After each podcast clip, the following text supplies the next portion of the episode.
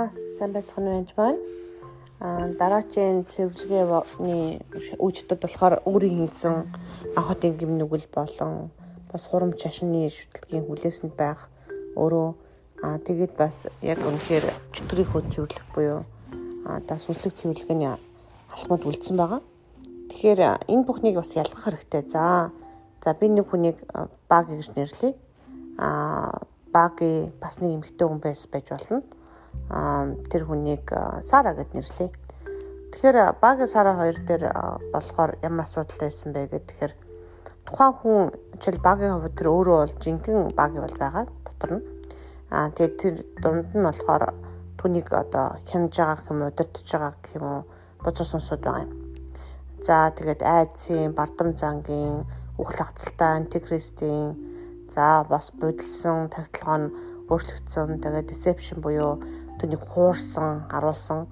Аа тэгээд дээрэс нь маш их шашны одоо буруу урсгалууд гэхээсээ илүү уган зүгээр мөртлөө хүнийг хайрлахгүй өлөө одоо гэдгийн тухайн хүнийг илүү тийм шашинлаг болгосон. За тэгээд ерөөсөө өөрөө гэж мэдхэд хэцүү зөндөө олон одоо бодос сус дотор намдаад янз янзын цан аршин гаргадаг болцсон байж байгаа. Аа Сара говд ч гэсэн Сара Сара гэдэг эмэгтэй. Сара гэдэг эмэгтэй маань олон хүл хагцал үзсэн. Уг нь хоёул ойлаа айл дүндэр болсолтой. Хоёул итгэгч, хоёулаа харилаар залбирдаг. Хоёулаа одоо гайг балбан тушаалтай. Хоёулаа гаднаас нарахад ямар ч ялгах боломжгүй. Аа тэгэхээр бозор одоо ариун сүнстэй хүнд ч юм уу те итгэгч нар бозор сүнстэй байж болохгүй. Тэр зүгээр давамтлсан л байж болох байх. Тэрнээс дотор нь орж болохгүй ч гэдэг юм уу янз янз юм ярьдаг л да. Тэгэхээр итгэгч хүн зүгээр хүнээс яг одоо бодурсан юм ялгадаад тах юм байхгүй харин ч би илүү таргет буюу илүү бай болдог байгаа. Яагаад вэ гэхээр та итгэжлэл ер нь цагаатлах юм бол бухны хаанчлалын хүн болвол эсрэгээр нь харин чөтгөр шууд л дайрна уу эн чи миний дайсан байна. Эн чи гэрэл байна. Дараад үгүй гэж хэлнэ. Аа тэгээд эхнээс нь баг төрлөхөөс нь төрхөөс нь тэгэхээр энэ бүх зүйл болсон байдаг ба. Тэгээд ихэнх тохиолдолд бозор сүнсний маань өөрөө зан аршинтай байдаг. Тэр зан аршинг өөрийнхөө зан аршингаас ялгаж чадахгүй болцсон байдаг л да. Аа тэгээд юу гэм итгэвч хүн гэхээрээ итгэвч хүн адилхан хүнтэй юу ч гэж одоо өөртөө оруулж болно. Өөрөө мэдхгүй өөрөө сонин одоо юм үзээд ч юм уу бүдүү шашин за ингээд бүр бүр баалын одоо маш эртний золин сүнснүүд хүртэл автсан тохиолдолд бол би байсныг би мэднэ. Тэгэхээр би одоо энэ сүнстэй зүйлийг бол өөрөө хүсэж ч юм уу өөрөө бодож олсон зүйл ерөөсөө биш. Ихэнх хүмүүс одоо энэ зүйл чинь байдгүй ч гэдэг юм хэлтгэлтэй. Одоо жишээлбэл дэлхий хавтгаа гэж үздэг байсан бид нар. Дэлхий бөөрнхий байсан. Тэгээд бөөрнхий гэж хэлэхээр битээ бодлаараа би энд чи итгэхгүй ингэж хэлээ л та итгэсэн сэтгэгээгүй тэр байдаг.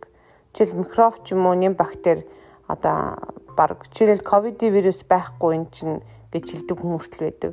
Хүн бодож яасан уучлаарай тэр хүн бодож болоогүй угаасаа яг хүн хийсэн байж болно. Бүтээсэн байж болно лабораторид. Яасан ч байж болно. А гэхдээ тэр нь бодтой юу бодтой. Аа тэгээд тэрнэр болж өвдөхөр хүн өвддгүү өвддөг. Тэгэхээр харагдахгүй үзэгдэхгүй байхаараа тэр бие махбодод өөрчлөлт орохоор мэдэгддэг тийм үү. Тэгэхээр тэрийг болохоор ханиадны вирус ч байна ч гэдэм үү. Жишээл жишээл хорт хавтад тэр хүмүүс маш их айдаг байгаа. Аа оншигдсон гут нь л өвтлээ байна. За одоо өвөх гэж байгаа юм шиг л. Тэгэхээр тэрнтэй адилхан ер нь бол тэрийг үүсгэж байгаа ч юм уу. Тэр өвчнийг үүсгэж байгаа. Тэр нөгөө нөхцөл байдал асуудлуудыг бий болгож байгаа сүнслэг хүлээсүүд сүнснүүдийг хүмүүс байхгүй гэж хэлдэг ба. Тэгэхээр ариун сүнстэй хүн бузар сүнс байхгүй гэж хэлдэг нь өөрөө бузар сүнс байгаа тэгж ярих бозор сүнсийг ч мэднэ. Одоо гэдгийг нэг хүнээс хэдэн мянгаараа сүнс гарахыг ч мэднэ. Нэг хүнээс нэг цөөхөн сүнс гарахыг мэднэ. Бүх сүнслэг зүйлсүүд бол мэдээж бас дотроо ранкта том жижиг янз янзын хэлбэр төрстэй байдаг ба. Тэгээд бүгдээрээ нэг л зорилготой алж устгаж сүйтгэх. Тухайн хүний амьдралыг алж устгаж сүйтгэх зорилготой. Тэгээд бузар сүнс бол ерөөсөө тухайн биеэс гарахгүй байх зорилготой, нуугдаж үлдэх зорилготой илэрхгүй байх зорилготой. Ерөөсөө тэгээд өөрөө тэр оюун ухааны одоо би байхгүй шүү гэж хэлчихэж байгаа. Ерөөсөө би байхгүй. Нэрнүүд нь голцоо би байхгүй. Би байдаггүй, би хинч биш.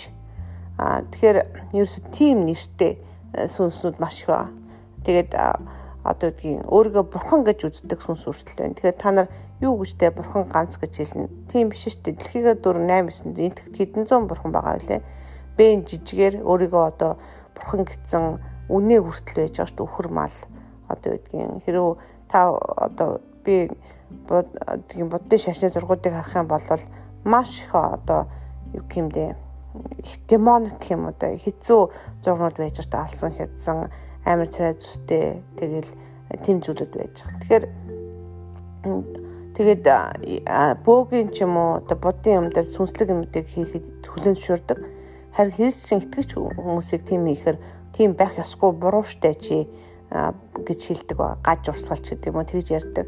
Гэтэл эзэн бурхан өөрөө сүнс байж байгаа. Тэгэхээр биднэрт маш тодорхой хэлсэн бидний дайсан бол мах цусны эсрэг биш гэж нүдэнд хагдаж ихэнд үзэгддэггүй мах баригддаггүй зүйлсүүдтэй бид нэ тэмцэлтдэг байж байгаа. Тэгэхээр энийгдээ яаж тэмцэлтдэг вэ гэхээр эзний үгээр эзний хүчээр тэмцэлтдэг байгаа.